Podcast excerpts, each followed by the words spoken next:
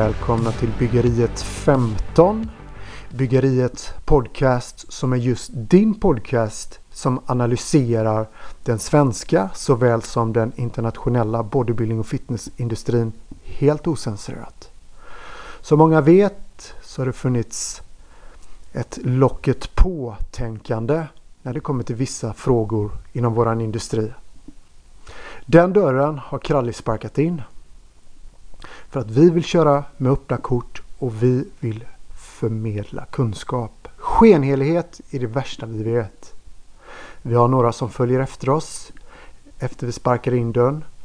Och jag hoppas att ni också kommer följa samma principer som oss. Och inte censurera er. Nu kör vi. Gästen som vi har med oss idag är en kille som jag har velat intervjua ett tag faktiskt. Det är ingen annan än Battle of Smögen-vinnaren 2018. Mr Smögen, Albin Mattsson. Hur står det till? Det är strålande.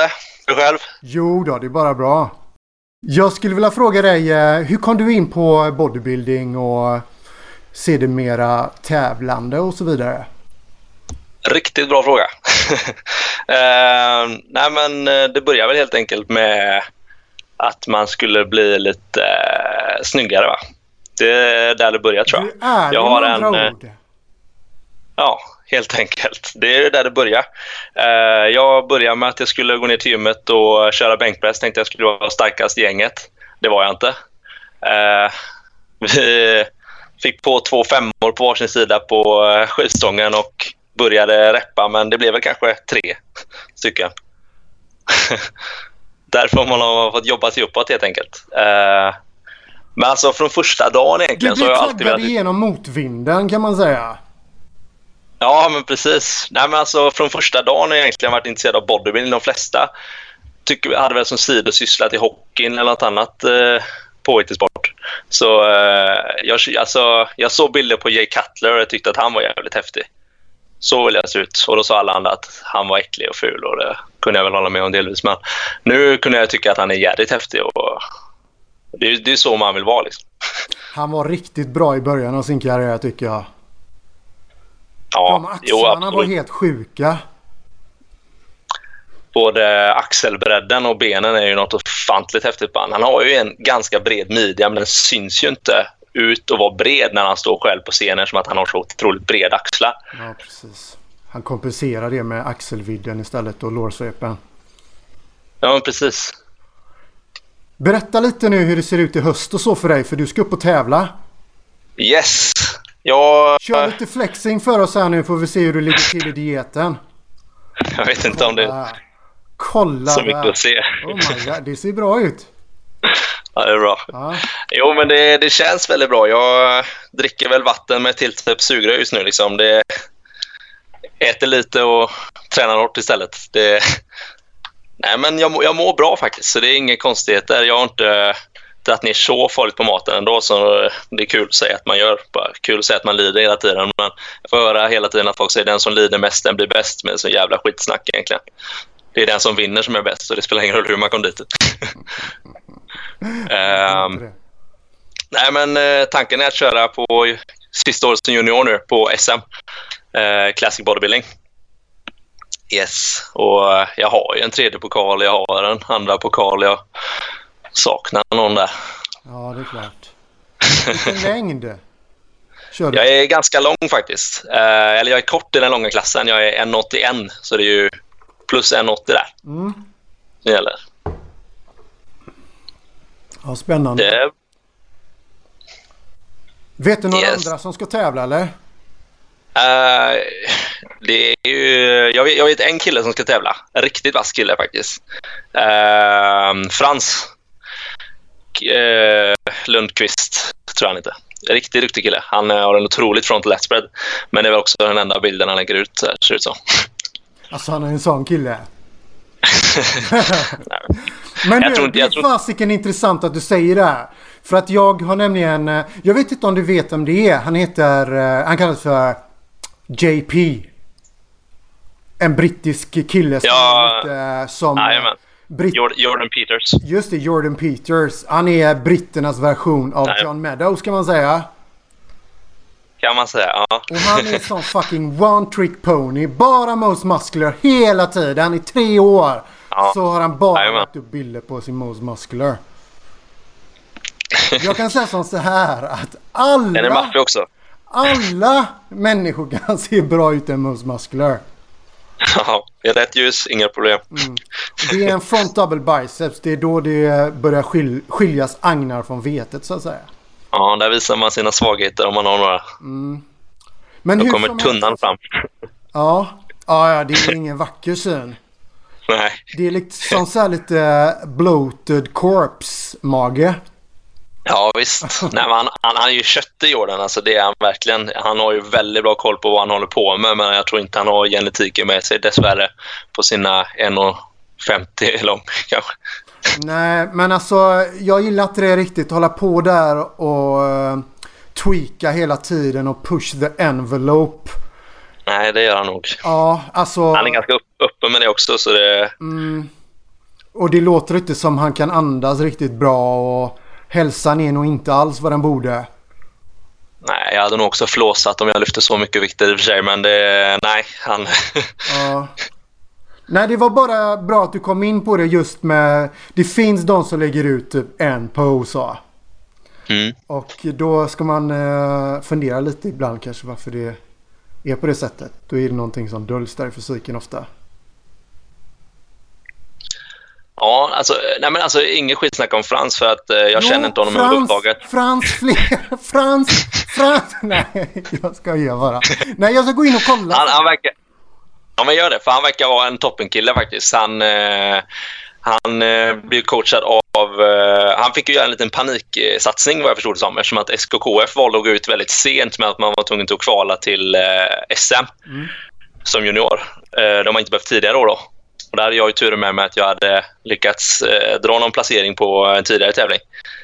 Eh, så, då, så han och Jonathan var det som coachade honom där. Eh, drog ner honom och han blev ju riktigt knaprig där till battle tror jag han körde. I kort, eh, långa klassen som ju senior då och nöp en andra plats. Uh, där var han riktigt bra faktiskt. Han släpar ju en hel del på underkroppen. Mm. Men han väger upp det med överkroppen och det tror jag han är mycket medveten om.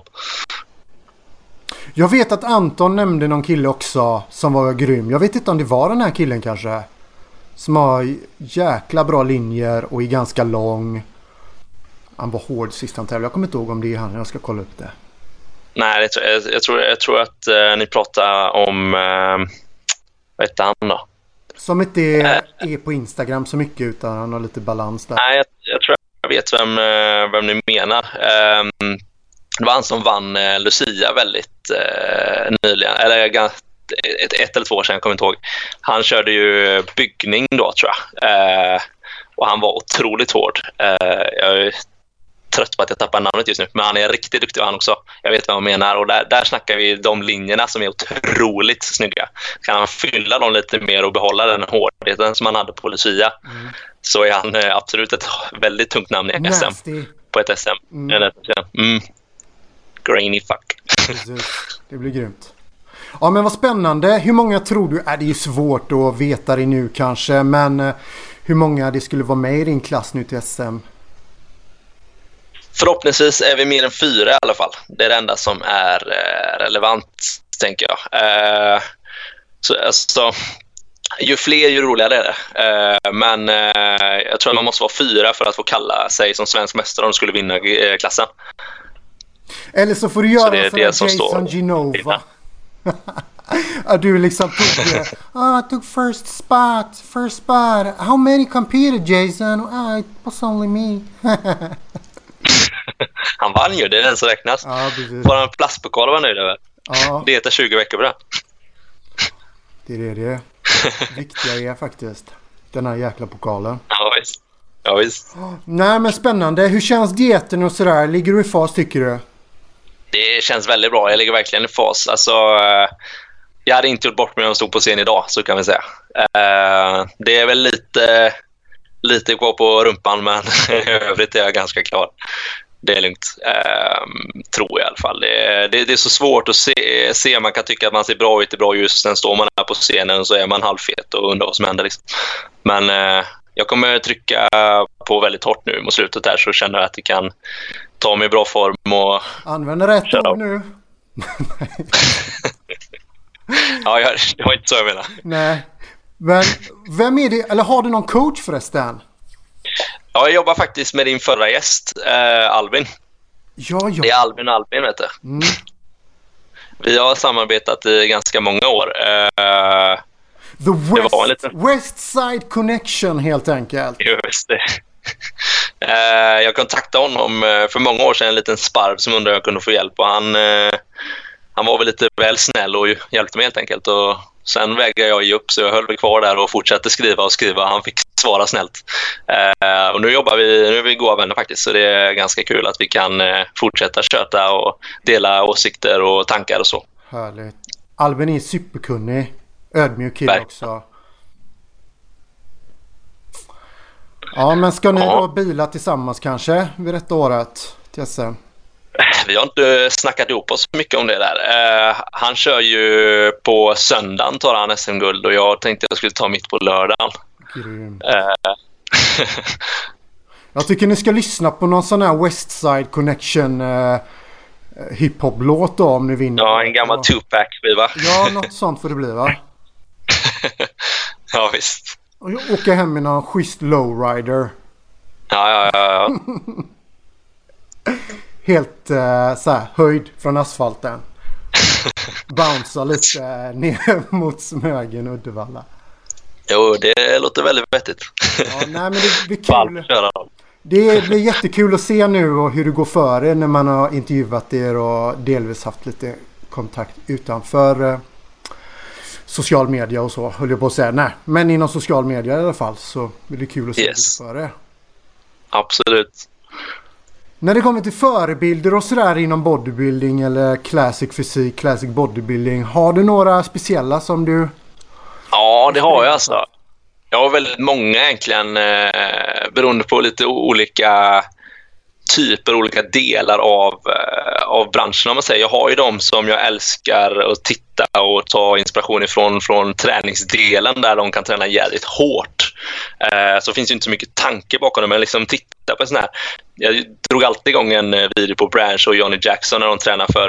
Eh, det är inte så mycket tanke bakom deras träning utan det är bara jävligt mycket hårt arbete och slit och släp. Liksom, bli svettig som ett djur nere där i, i Texas. Och det, det funkar att titta på innan och där tar man mycket inspiration. Men sen eh, ska man se mer... intensiteten in på gymmet i alla fall och så lyfter du lite annorlunda ja, hoppas jag. Precis.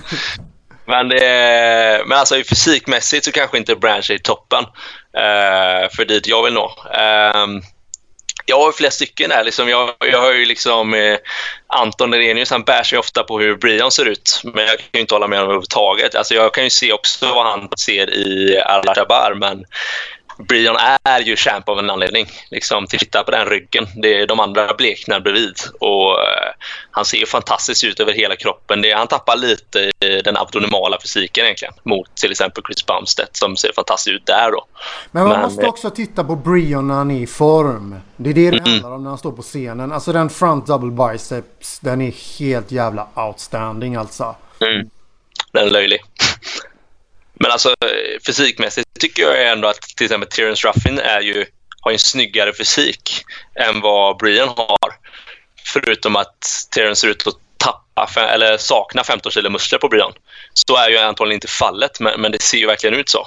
Med tanke på uh, synvillor och liknande, hur han vinklar och hur duktig han är på poseringen, både, både Brian och Ruffin i och för sig. Men... Ja, jag håller med dig. Terence Ruffin är riktigt bra också. Men det är någonting som saknas. Jag vet inte om det är det här lite star quality kanske. Eller någonting som ja. lyfter honom lite extra. Jag kan tänka mig att han är en av de mest ödmjuka killarna inom industrin och classic fysik. Men han är nog kanske lite för introvert. I alla fall i fel sammanhang. För att verkligen eh, stå ut i en lineup. Han blir lite liten också fysiskt men mm. behöver lite mera karisma och star quality tror jag faktiskt för att kunna hota en topp 3 eller till och med en topp 5 kan jag tänka mig nu på Olympia nästan. Jag tror att han kommer hamna väldigt långt bak faktiskt, tyvärr. Eh, han kvalar sig ju vidare för att jag tror att eh, han var nog bäst den showen, det var han, men det är svårt att inte ge han vinsten efter en sån posering som han gör. Och, alltså, han har ju allting på plats, men det saknas ju så mycket muskelmassa mot de andra.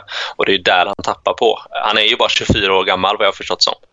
Eh, så det gäller att ge honom lite tid där, men eh, han, har det, han har allting utan muskelmassa helt enkelt. Jag tror han behöver mer tid bara. Mm. Som jag själv. Vad tror du om Mr Olympia i år?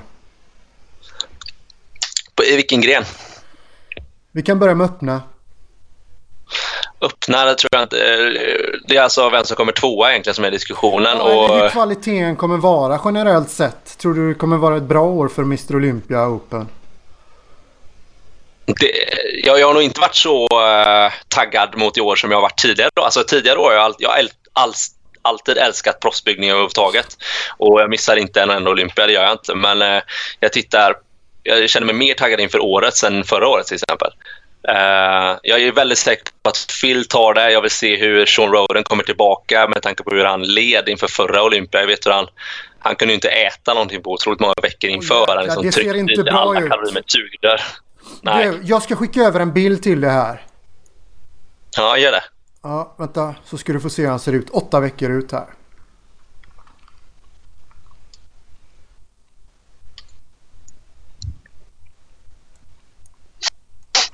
Alltså, ja, jag funderar på om det är den bilden jag tänker att du skickar. Han gjorde någon gästposering nyligen va? Ja, har du sett den? Ja, han gör, så han eh, och gör någon, någon. Ja, han, eh, han var lite höger arm där, ser lite off ut tycker jag. Ja, men såg du den bilden idag eller? Jajamän. Ja, okej. Okay. Ja, det ser ju inte lovande ut kan jag inte säga. Jag ska Nej, han skulle den, behöva... Så kan ni få titta på den. Stäm, alltså, proffs kan ju alltid göra konstverk de sista veckorna. Jag vill bara minnas hur Regan Grimes nu klämde sig in i sin klass här senast på New Pro. Tio veckor ut och så var han ute var 20 veckor ut. Så det, sen var han väldigt bra form när han väl tävlade och lyckades ta sig ner i Classic. Så det, mycket kan hända. Ja, det är sant. Men Regan Grimes har en del att jobba med också tycker jag. Alltså han... Onekligen. Ja. Det är många... Han är stor. Ja, men han, men, är, lite väl, han är fan lite väl hypad faktiskt, Rian Grimes. Också en av de här killarna som gillar mycket för han är så jäkla ödmjuk och schysst. Han är bra. Men han, han är ju en sån social Ja, han är en social media-expert egentligen och han, han har nog en del killar som sitter och jobbar med han på bara det egentligen. Han får ju en hel del följare för att han är så ner till jorden kille överlag. Men eh, jag, jag, tror det är väl lätt att relatera med honom för, och så att många kan känna igen sig i hur han jobbar och sysslar och gör. Men alltså, på scenen. Han har jättesnygg fysik, jättesnygg, eh, fina linjer. Han är stor framförallt och väldigt stor för att vara en classic-byggare. Men han saknar ju allt vad hårdhet är. Alltså han, han kanske är i form, men det finns ingenting som är grainy över den fysiken överhuvudtaget. Man Nej, saknar, han saknar det där. Kvalitet. Han saknar rätt mycket ja, kvalitet och djup i muskulaturen. Ja, precis. Muskelmognaden överhuvudtaget. Och jag tror så här att det är Mest kopplat till att han är en mjukis inne på gymmet. Jag tror inte han tränar så jäkla hårt som han behöver göra som en proffsbyggare. För att ta det till den optimala nivån. Ja, delvis det, det och eh, det här fenomenet som vi har sett med Big Ramy också är väl också samma sak egentligen. De har växt väldigt fort på väldigt kort tid. Om man tittar på Regan, han flög ner till Kuwait och växte väldigt fort. Och när inte musklerna hänger med där så tycker jag att du, du får en större muskel men du saknar det här grainiga, liksom det hårda, det, det riktigt snuskiga som är i muskeln där. Och det är samma, det är det som Phil har, det som Rami inte har. Och det är därför Phil alltid kommer vara med Olympia så länge han känner att han vill tävla. Alltså när det kommer till Phil Heath så känner jag att eh, personlighetsmässigt så är han antagligen en sån person jag aldrig skulle vilja vara kompis med. För han känns så lite douchey faktiskt. Eh, Eh, du vet, han verkar inte vara speciellt ödmjuk. Kanske mot dem som han håller närmast. Ja, alltså jag, jag, tror det är väldigt många mycket delade åsikter där. Tittar man på till exempel Arnold, han har ju haft exakt samma stil alltid och det är en av de mest uppskattade, det är den mest uppskattade byggaren genom alla tider. Arnold, Titta på Zlatan Ibrahimovic. Skärmen har, har inte Phil, förlåt att jag avbryter dig, men jag tänker på glimten i ögat och skärmen har inte Phil Heath på samma sätt som Arnold. Nej, så, så är det absolut. Det finns ju en anledning till varför Arnold lyckades bli vald som eh, guvernör i Kalifornien. Det gör man inte om man inte vet vad man håller på med. Eh, han är ju charmig, han är ju duktig. Och, men jag, jag, tycker ändå att Phil, han har... Är man inte så säker på sig själv, är man inte så kär i sig själv, vet man inte riktigt vart man ska så kommer man aldrig kunna nå den toppen på Miss Olympia. Det spelar ingen roll vilken eh, genetik du har och vilket arbete du gör. Om du inte är riktigt säker på att du kommer vinna och du måste ändå fortsätta intala dig det. Sen att han kanske inte behöver intala alla andra det, det vet jag inte. Men jag, jag, tycker han är skön. Jag tycker han är en skön lirare. Och jag gillar hans musik, men eh, jag förstår vad folk inte uppskattar. Nej, det är inte så Nej, jag... det förstår jag. Men eh, han är inte som... Oj, jag vet inte hur bekant du är med Lee Haney och hans intervjuer eller framträdande inom bodybuildingindustrin. Men det är som natt och dag där. Så ja, extremt ja. liksom kristelig nästan och... Ja. Blyg kille. Ja men du vet han kommenterar ju i våran grupp också. Classic Fysik, Classic Bodybuilding-gruppen. Ja just det. Ja. Och det är väldigt stort och han... Eh, och jag bara, ja tack så jättemycket för... Eller så har jag inte skrivit men thank you for commenting och, och så här. och då skriver han bara, I'm just a student of the sport. Liksom student, han är the master. Men han, ja, kan, han kan ta sig tid och kommentera killar som är on the rise och ge dem props helt enkelt. Mm. Så eh, det känns inte riktigt som Phil Heath skulle göra det. Jag tror inte Phil Heath kanske har tiden men jag tror jag, även inte han hade gett den tiden heller. Han kanske inte vill lägga den tiden. Yeah bro, Nej. you look good. Have you seen my special coupon code here? You can buy the special gift ja. Ja, nej jag ska inte Det är det det handlar om i slutändan. Ja, det är det det handlar om i slutändan. Ja, Pengar. Precis. Men jag ska inte dissa honom för mycket. Jag, det finns delar av hans personlighet som jag gillar också. Men, men när det kommer till fysiken så jag är ett stort Phil Heath-fan alltså. Jag tycker vi ska vara mm. jävligt glada att vi har Phil Heath. Helt klart. För han är, han är jäkligt freaky och han har den otroliga muskeldensiteten. Ja, djupet. Det är den han vinner på. Och samtidigt, ja det är nästan så här, alltså action uh, figure uh, admiration som jag hade när jag var Han är bub bubblig. Ja. Så, Som ett levande moln. Ja, uh, det tycker jag var en sån där, sådär eh, metafor. Men... okay. Nej, men han är, han är liksom freaky och... Uh, freaksens eh, estetik eller någonting sånt där. Han är, ja, han är ja. riktigt bra. Ja, det är helt klart en favorit inom öppna klassen och det finns ju en anledning till varför han vinner Olympia. Han är ju bäst, mm. inget snack. Vem tror du kommer tvåa då? Alltså, jag, jag vill ju inte att Bigrami kommer tvåa jag är så trött på uh, hans fysik överlag. Hur han bara tror att han ska ta det varje år och så ställer han sig på, sam på samma scen med samma paket varje år. Och uh, William Bonac är ju en otrolig atlet och om han har gjort mer framsteg än vad han hade sist så är han ju nära på att eh, nafsa lite på Phil. Jag tror, jag tror alla kommer nå dit. Men han, han blir ju bättre och han blir mer av ett hot. Alltså om man tittar på Kai var också ett otroligt hot. Folk utifrån som inte jätteförstående av sporten kanske tyckte att han var nära. Det tror jag aldrig att han var egentligen. Men det, det, det är samma med Bonac. Och jag, jag vill också tro att eh, kan Roly Winkler någonsin ta sig i form så är han också en topp tre-kandidat.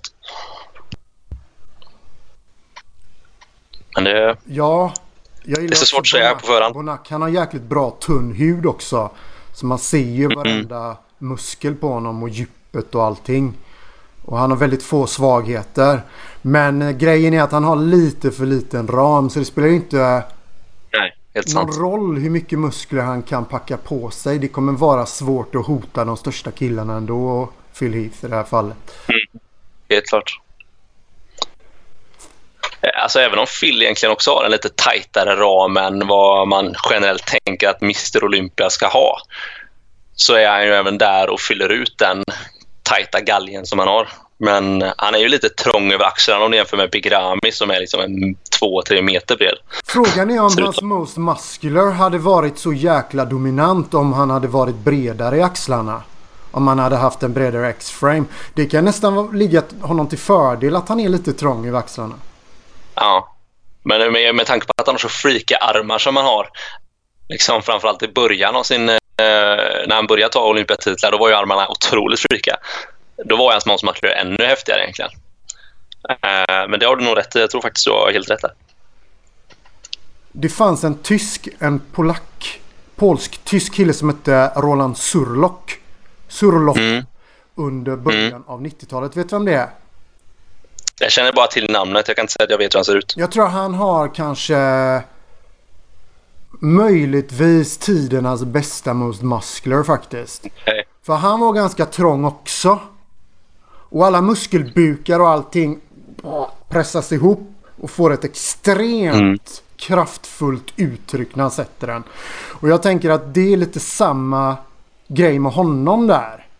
Att man kanske glömmer av det att eh, vara trång i axlarna behöver inte alltid vara en så stor nackdel som man tror. Utan det kan som sagt eh, skapa ett jäkligt maffigt intryck i poserna. I vissa poser i alla fall. Så är det helt klart. Men jag skulle säga att min favoritmålsmatchare genom alla tider det är ju fortfarande att se Flex Wheeler när han vann Arnold Classic. Där, eh, jag vet inte vilken av gångerna. Han har vunnit den två gånger va? Uh, men, men jag, jag, ser ett foto framför mig från när han vann den. Och uh, det är den häftigaste jag har sett för att det, ja, det är så, det är så mycket muskelbukar. Sätt en sån som han gjorde. det vågar jag inte ens göra på scen tror jag, men ge, ge, mig 10 kilo muskelmassa så kommer han, jag lovar. Eller som i hans fall, kanske 5 liter syntol.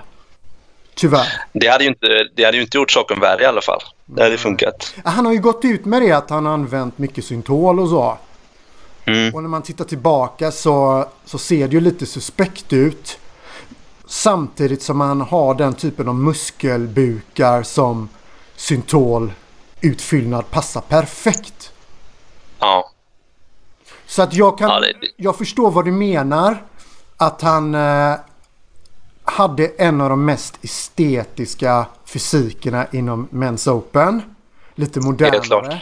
Men eh, jag kan ändå inte placera honom där på grund av att han berättade om sitt syntolanvändande och att det verkar framförallt som att det var ganska frekvent och han använde mm. det ganska dominant i sin träning. Ja, jag, jag, tror, jag, tror, att man kan, eh, man kan lätt bli naiv och titta på många byggare och tro att det, finns, att det inte finns så mycket där ute. Men liksom, eh, både du och jag vet att det, eh, de flesta byggarna gör vad de vill eller vad de kan för att vinna och det spelar inte så stor roll vad det är vi talar om egentligen. Kan de vinna så gör de det. Eh, och att bara tro att det är Flex Wheeler som har gjort Nej. det, det är kanske lite väl naivt. Men precis, men alltså Flex Wheeler man kunde se axlarna, man kunde se biceps, man kunde mm. se triceps, man kunde se vader. Visst, ja. du kanske hade några killar som kom under 90-talet, 2000-talet som fyllde lite i armarna, kanske lite i axlarna. Men mm. eh, i eh, Flex Wheelers fall så tror jag det var ganska dominant och det var en stor del av hans tävlingskarriär att just fylla många muskler med syntol och det här i kombination med att han har sagt att han inte gillade att träna speciellt mycket. Och då tänker man att då hade han lite så här latare attityd till träningen och levde på sin genetik och fyllde ganska mycket med olja och så. Så då känner man att, ah, fan är han verkligen en av de bästa genom tiden eller hade han verkligen en av de bästa fysikerna när det var så mycket enhanced? Nej, jag, jag, förstår vad du säger. Jag tycker det är tråkigt att det, det leder till det dit. Men man förstår också att det gör det med tanke på att de vill vinna helt enkelt. Det är vinnarskalle allihopa. Och jag, jag hörde eh, en intervju med han, eh, eh, en kompis till honom. Vad heter han? Psycho Fitness heter han på Instagram. Han, han är tränare på Golds Gym. Han jobbar ihop med Charles Glass tidigare och nu har han tagit över i stort sett majoriteten av proffsen på Golds. Han var ju väldigt nära vän med både Flex och med Chris Cormier framförallt.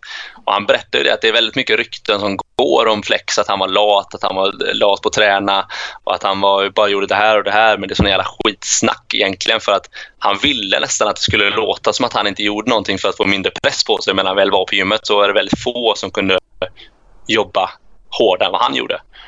Eh, det var samma med Chris Cormier egentligen. Det går mycket rykten om att han festade väldigt mycket och sånt och det gjorde han tydligen. Men eh, han var ändå där på gymmet 05.00 dagen efter och jobbade stenhårt. Så det, jag ja. tror det är mycket skitsnack. Ja, delvis. Men eh, alltså du ska veta hur de tränade på 90-talet. Dorian Yates och Michael Francois. De var på Bearbells och du vet de var på styrkelyftargym.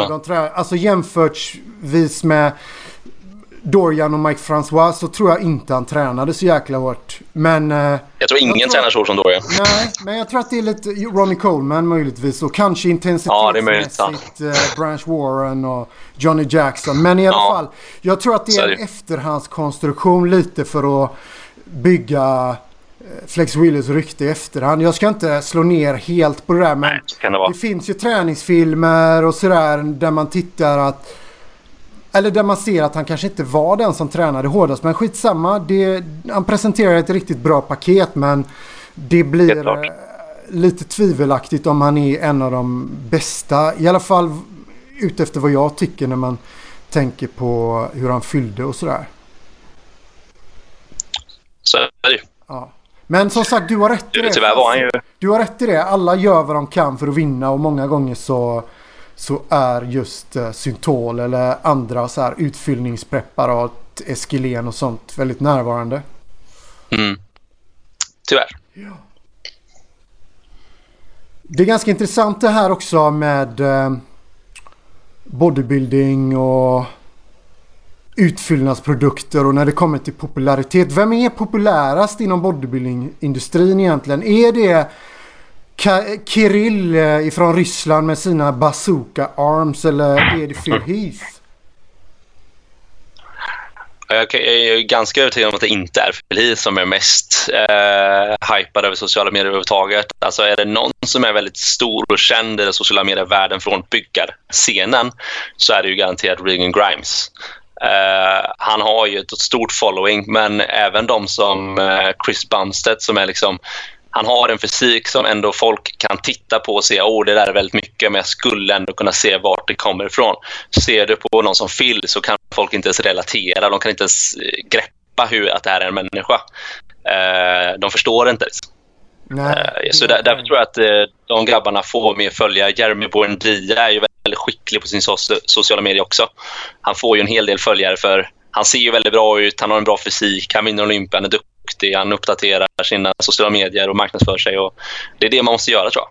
Jag tror att eh, det är ingen som vill se ut som Phil. Nej. Tyvärr. Jag vet inte om det bara handlar om det för att den dagen när det är Mr Olympia så går 70-80% och tittar på Men's Open Bodybuilding och kanske 20% går och tittar på Buendia eller Bumstead. Så är det ju. Så är det ju. Men det är lite men, skillnad på sociala medier. Det är klart att det är ja, det. Men eh, precis. när det väl gäller så har de fortfarande ganska mycket fans. Men det är två stycken olika spelplaner. Men anledningen, anledningen varför jag nämnde Kirill det var bara för att Muscular Development släppte en video eller en intervju med Phil Heath nu när han har blivit släppt från det här exklusiva kontraktet med AMI. Jajamän. Och den videon fick eh, 13 000 visningar på tre eller fyra dagar och det är ingenting. Nej, det är fan pinsamt. Jag menar, vad heter han den här eh, Jokoboy eller vad fan han heter? Han eh, får Jajamän. 13 000 visningar på en halvtimme här i Sverige. Och vem är han? Ja, då är han nog missnöjd. ja, precis. Nej. Och vem är han? Han är... Men han har ju en mycket bredare publik helt enkelt. Ja. Och det är ju det som är synd. Det är det Phil inte gör. Och jag vill dra den här parallellen också. Tänk dig då om Louis Marco exempelvis. Mm. Vi måste också ha i åtanke att Muscular Development är en gigant inom bodybuilding och fitnessindustrin. En av de största mediaföretagen, kanske den största just nu. Och dra en parallell till exempelvis Louis Marco. Om han skulle göra en intervju med Kirill. Ja. Som har sådana jäkla eh, mongoarmar som är så fyllda så... Jajamän. Ja, det har bildats nekroser i armarna på honom. Ja, ja, ja. Alltså, på tre, fyra dagar så hade Kirill fått kanske 50-60 000 views. Ja. Jämförtvis med Phil Heath på 13-14 000. En av dem är Mr Olympia. Och en annan tränar Ja. inte ens. Och han är bara ett freak. Nej. Och ha det här i åtanke också. Majoriteten som tittar på det här. Det är sådana som, i alla fall sådana som är kopplade till dig och mig. Som är inom bodybuilding och fitnessindustrin. Det är jäkligt snedvridet och nästan tragiskt faktiskt. Alltså, jag tror att eh, vad jag förstod det som så eh, sa ju Louis Marco marknadsför sig själv som att vara en god vän med Phil.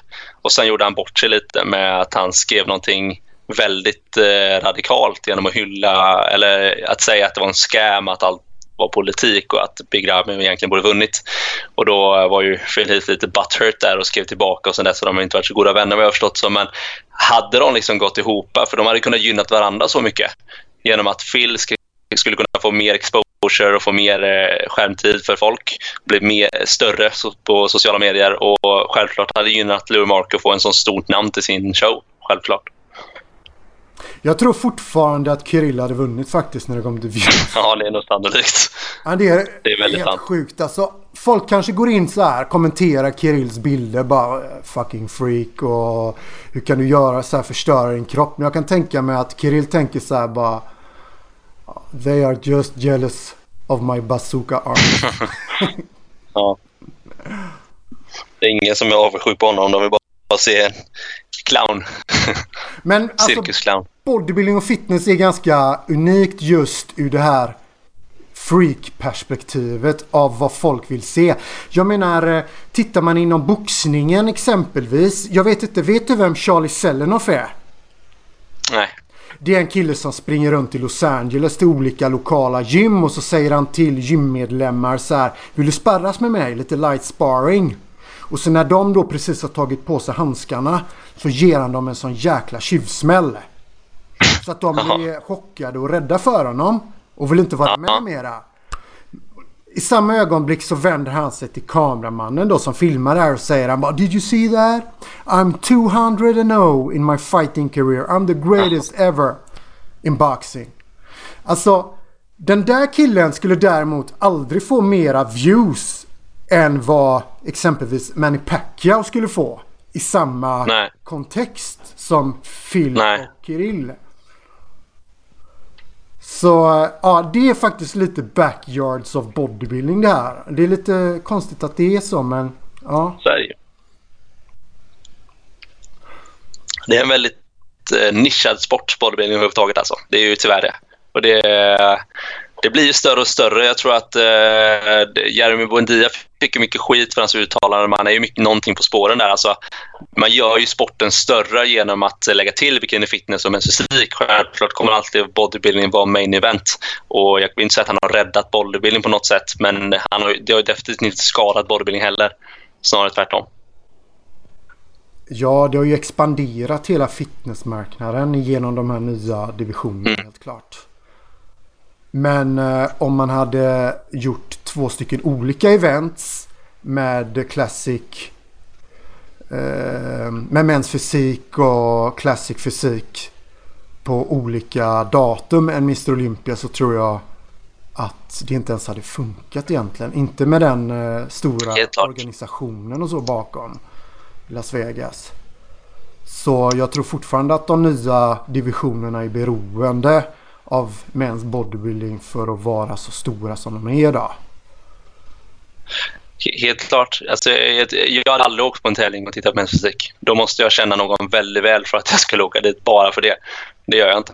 Tyvärr. Jag Det är lite- tråkigt att säga, men det är så. Man kan tro så här att jag inte gillar mäns fysik men jag har sett proffsmäns fysik och jag gillade det mer än vad jag trodde faktiskt. Men jag skulle inte åka på Arnold, Arnold Classic i Columbus, Ohio bara för att titta på mäns fysik och se hur det går för eh, Jason Puston liksom om han skulle kunna ta Nej. första platsen där. Aldrig. Nej. Men som sagt det... Nej, det, är no det kan vara underhållande men eh, jag älskar inte mäns, mäns fysik. Det gör jag inte. Alltså det tar ju bort det som är sporten egentligen. Var, var, alltså, från början är det ju eh, en konstform egentligen där du kan ställa dig på scenen, du kan visa upp någonting som ingen har sett. Liksom. Du kan skapa illusioner, du kan visa vad du har på ett helt annat sätt. Du är väldigt låst i de fyra kvartsvändningar och du aldrig lyfter armen över huvudet och sen så står du där och så är du klar. Du ska inte ens visa dina ben, liksom halva kroppen. Jag, jag har aldrig förstått sportens koncept och jag har många som tycker att, att jo, men det är kul, det är ett bra insteg. Jo, men det är ett bra insteg, men inget insteg i bodybuilding. Absolut inte. Eh, det är ett insteg i någon annan sport. Och det är, inte, det är inget fel att tävla i den, men det är inte bodybuilding. Och det här med färgerna och så på shortsen, boardshortsen. Ja. Gå till eh, någon sån här sportaffär bara. Ja, jag ska köpa shorts nu. Jag ska tävla i mäns fysik. Har ni några så limegröna som det står Sportsman på sidan i rosa typ. Ja, jag vet ja, visst. Och då är det på högsta nivån liksom. IFBB Pro. ja, det är imponerande Nej, det... fysiker men det är inte så tillräckligt för att jag ska vara något stort fan av det. Nej, jag håller med dig. Det yttersta målet i din karriär Albin, vad är det? Mr alltså- Olympia!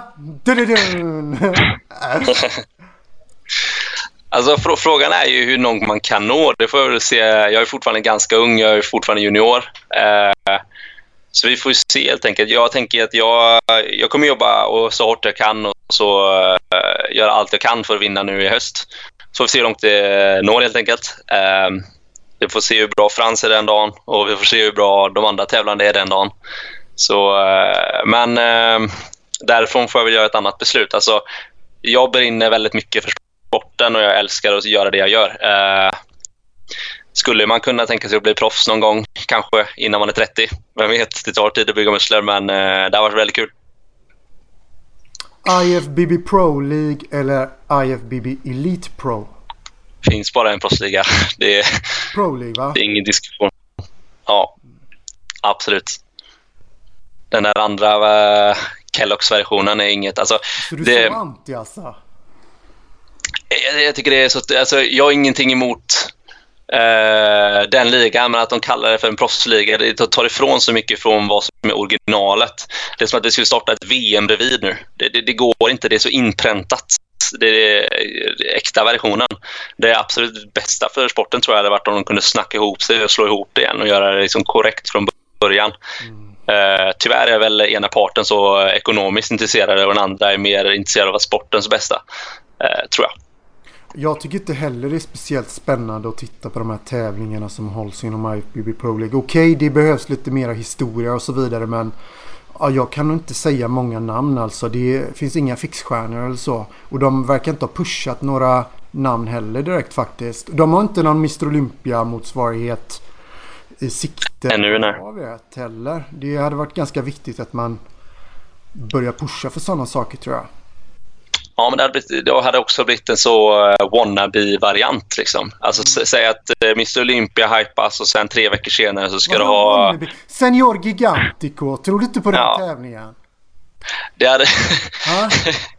det, nej, jag, jag, tycker det låter väl... Jag tycker på riktigt det, det blir fel. Det, blir, det kommer aldrig funka. Uh... Bodybuilding winner Senor Gigantico 2025 Mr Smagen Albin Mattsson. Det klingar ju bra, det hör ju alla. Men eh, alltså, i Europa sköter vi amatörsidan otroligt snyggt. Alltså, eh, alla småtävlingar i Sverige är väldigt bra arrangerade. Eh, på EM-sidan eh, till exempel det, det, är ju bra. Det är häftigt att kunna åka till Santos Susanna och ställa sig på scenen där. Det har varit en jävla dröm för mig. Men det är väl, det är väl långt dit just nu, men vi får se. Um, det är, men det är inte samma sak att bli proffs på Elite Pro tyvärr. Nej, jag tycker de gör ett kanonarbete, SBFF. Helt klart, håller med helt. Ja, det är... Eh, riktigt bra organiserat och de är väldigt aktiva när det kommer till mm. atleter mm. och de är ödmjuka och inspirerar många genom att de sträcker ut handen till, till Krallig exempelvis. Och till eh, olika mm. atleter, nybörjare och avancerade. Och det är ett jäkligt starkt kort för deras del att de eh, fungerar på det sättet tycker jag. Ja, alltså all heder till dem. Det, det är ett stort Eh, eh, arbete de gör. där. Jag vet att det är många som gör en stor del av det ideellt också, kanske majoriteten. Och eh, domare som sitter där och bedömer, gör en seriös bedömning. Eh, alla coacher som inte tillhör SPFF egentligen, men eh, som ändå är där och liksom stöttar sina atleter eh, oavsett om det är vinstintresse eller inte. Så, alltså, det, det, blir en kul stämning på hela tävlingen där alla är där för samma sak. Det är, inget, alltså, det är, det är guld värt att vara på tävlingar. Jag tycker det är hur roligt som helst oavsett om man känner någon som tävlar eller inte. Jag åker på så många tävlingar jag kan inte enkelt, men det, vad tycker det du om det här med coacher och gurus och så i Sverige på amatörsidan? Uh, väldigt olika där. Jag lyssnade ju på, uh, på en podcast nyligen och sett och prata om coacher en timme där. Uh, och jag kan inte säga att jag tycker de är helt fel i allt de säger och det, det var lite tråkigt. Alltså, coacher har en större roll än man tror. Eh, det, jag, jag blir väldigt ledsen när jag ser vissa som springer upp på scenen, inte klara. De vet inte vilka poseringar de ska göra, de vet inte vilket håll de ska göra sina kvartsvändningar. Och just det, man skulle ha tävlingsfärg också. Och det var ingen coach som kunde hjälpa dem där. Och det är väldigt synd, för det kostar inte så mycket. Alltså, vissa coacher tar jättemycket, vissa tar väldigt lite och vissa gör det gratis. Jag har coachat eh, några stycken och jag gör det nästan alltid gratis. För, alltså, jag tar an mig så få jag kan för att men folk jag vill ta. Jo, men om man har en coach på tävlingsdagen, ja. Men jag menar alltså en coach som eh, är med eh, under diet och kanske träningsupplägg och sådär. Och det tycker om det. Jag vet, alltså jag kan ja, säga alltså... jag tycker att jag har ändå varit inne i bodybuilding och fitnessvärlden. Ja, jag har väl arbetat ganska lång tid med det, kanske sex år och jag har varit ett fan i säkert över 20 år och varit på Lucia-pokalen och så vidare. Mm under 90-talet och jag såg killar som kom nerifrån Skåne. De kom ifrån Stockholm och Borås och Alltså jag såg många nybörjare som kom upp i jäkligt bra form. Och de hade klarat av hela dieten och hela träningen och allting på egen hand. Och de hade ingen coach som stod där uppe när de vann och ställde sig framför dem med några pokaler eller medaljer. Så här. De behövde inte det och det är ingen som behöver det egentligen. Och det viktiga i det här det är att när man ska bli en person som går in i fitnessvärlden, vare sig det är bodybuilding eller body fitness eller bikini, så vill man även ha den delen där man kan göra sin egna diet. Det är ingen jäkla rocket science heller. Det är bättre att man tar den äran själv när man står vid prisutdelningen än att man har med en coach hela vägen. Många tror att man måste ha en coach. Men när man är på nybörjarnivå så kan det vara väldigt vettigt att lära sig grunderna. Sen om man är på en hög nivå kanske som Phil Heath eller man som mm. Bonnack eller någon. Då behöver man laborera på en helt annan nivå. Men eh, som det är idag så är det ju en äh, jäkla kohandel där ute med klienter som är lite vilsna och inte förstår riktigt att det är mycket av det här arbetet som ni kan klara av själva, majoriteten av det. Och jag ska säga som så, bodybuilding i Sverige under 90-talet och 2000-talet var också bättre och av högre kvalitet generellt skulle jag vilja säga. Och som sagt, de gjorde sina dieter själva och var det så att man behövde hjälp då kunde man fråga någon av veteranerna inne på gymmet. Och gjorde man det här så hade man en eh, bredare kunskap till slut också. Det var mer man klarade av på egen hand. Nu har inte jag lyssnat på den podden som du talar om men jag kan tänka mig att de resonerade ungefär på samma sätt, eller? De eh, talar ungefär som du gör, helt klart. Mm. Men... Jag, är, alltså jag, är mer, jag är mer av åsikten att var, varför, varför ska man gå runt eh, och vara ovis när det finns folk som bär på en kunskap? Liksom, folk har gjort dina misstag, varför ska du göra om dem? Det är lika bra att fråga någon som har bättre koll. Ofta så är det ju antagligen ingen som hade nekat dig informationen om du frågar snällt till någon du ser upp till. Men det finns ju också den här faktorn att man vill betala för det man, eh, den information man får. Det är ju någon som har jobbat ihop sig all den här informationen och kunskapen på något sätt. Det är klart man kan betala för den. Uh, och sen måste man inte betala. Man kan göra det gratis och varför göra det om de klarar det under 80 och 90-talet och dessförinnan? På egen hand? Jag tror att det, alltså det, det var verkligen en helt annan tid då med tanke på att folk la jag hade en annan passion till sporten. Det fanns färre folk som tävlade totalt sett, men det var bara bodybuilding på den tiden. Uh, så det var det är fler bodybuilders. Alltså, du, du, hade ju, du hade ju kvinnlig bodybuilding, du hade manlig bodybuilding, du hade fitness. Det var det som fanns egentligen. Uh, och jo, det, det var färre tävlare kvinnor är slappare då än män när det kommer till de här Nej, om de är tvärtom. Det så, om de är det så borde de ju tänka om i sånt fall, eller hur? Men när det ligger på den här nivån igen, kasta inte pengarna i sjön.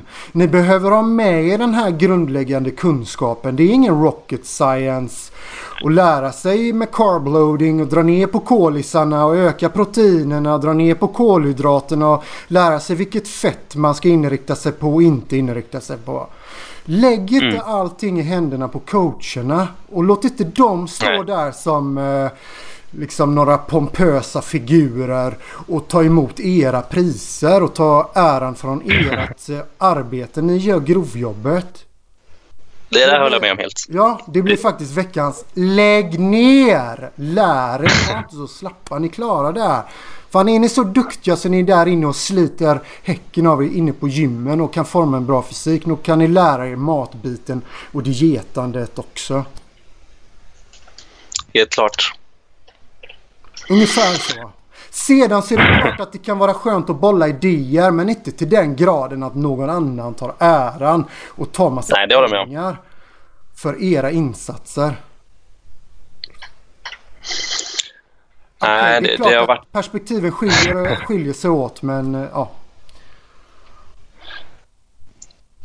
Nej, jag tror man ska leta upp någon man, man kommer bra överens med. Det behöver inte nödvändigtvis vara en coach, men det skulle kunna vara någon man kommer väldigt bra överens med som eh, kan mer än vad du kan. Och så därifrån känner du, tyck, eh, tycker man själv att man ska sänka kalorierna så kanske din coach kan säga nej, du är bra för oss, håll dig där. Liksom, det är bättre att ha ögon utifrån än att du själv ska se det i spegeln. Men vem som helst kan säga till någon annan att sluta äta mat, det är inte så svårt.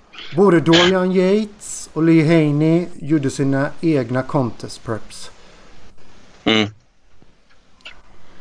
Ja, de var inte piss. Nej. Men Albin exempelvis, alltså din coach, han är inte så ja. jäkla överflödig när det kommer till det här, det vet jag. Han är inte så att Nej. du måste skriva liksom att coach by Albin Eriksson och Albin Eriksson 15% off. Nej, det är helt Lägg sant. Ner det uh... säger alltså. Lägg ner med det här. ja, men är inte Albin mera ödmjuk när det kommer till de sakerna? Han har lite mera karaktär. Jo, men så är det ju. Alltså, eh, Albin har aldrig bett mig att uh, säga till någon att han coachar mig, det kan jag lova. Uh, uh, vi, vi jobbar ihop. Liksom. Han hjälper mig lite med träning och kosten och mest bollar i det där. och så går det bra så rapport, skickar jag en rapport till honom. Det går bra nu, tummen upp. Och så jag gick upp i vikt, tummen ner. det, är väl där, det är väl så vi jobbar ungefär. Tummen upp Simpel. för Albin Eriksson. Han får veckans tummen upp. vi har inte så långt kvar nu. Jag vill fråga dig om vi kan få en topp 5 på Olympia Classic Fysik. Topp 5 på Olympia Classic Fysik. Uh, jag står ändå rätt fast vid att jag tror att Brian vinner. Jag tror att det kommer vara exakt samma battle i toppen där med tanke på att Sibum är så duktig som han är. Men det är Brian som vinner. Uh, Chris Bumstead är tvåa. Sen är det Alltså, det är ett getingbord från eh, tredje plats och tionde plats egentligen. Han går uh, där, eller hur? Ja, det... jag, jag vet ju att uh, Arash har varit uh, och jobbat efter den där titeln, men han, uh, trots att han blev bättre så blev de andra också bättre. Jag tror det var en femma sist eller, eller liknande. Han kom tvåa på någon Classic. Var sexa kanske han var till och med. Alltså, det... Jag tror det, Divine, det, Divine Wilson är bra du. Har du sett honom? Är han kvalad eller? Blir jag poäng då? Om han är det. Han borde vara Jag tror inte han är det. Du tror inte Ja, kan... Eh, nej, eh, jag tror inte han är Jag har inte det i huvudet nu, men jag vet att han, han tappar hela tiden. Han skulle göra, gå in på... Han, eh, han kom ju tvåa mot han... Eh, eh, Mr Proper som han heter på Instagram. Mm. Steve, va? Um, Steven? Och då, ja, Steve Laurel, tror jag lite. Laurel, uh, sånt där ja. Och jag, jag, jag vet att två där så skulle han köra New York Pro och tänkte bra, då tar jag den här istället. Och Regan Grimes väger in från ingenstans. Så då var han lite förbannad också. Eh, så han har många andra placeringar. Jag vet inte om han tog någon första placering, men Divine är duktig. Tyvärr, jag uppskattar inte hans posering tyvärr. Det är som att han övergör den. Han eh, anstränger sig för mycket så det ser bara tillgjort ut.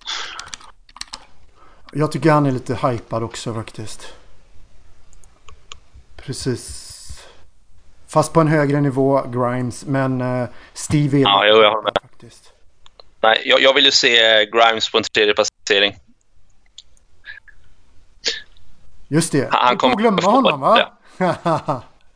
ja, jag tänkte faktiskt på Men han, han kommer nog ta tredjeplatsen, det är jag rätt säker på faktiskt. Eh, alltså ettan och tvåan är eh, bergsäkert eh, faktiskt. Grimes kommer trea.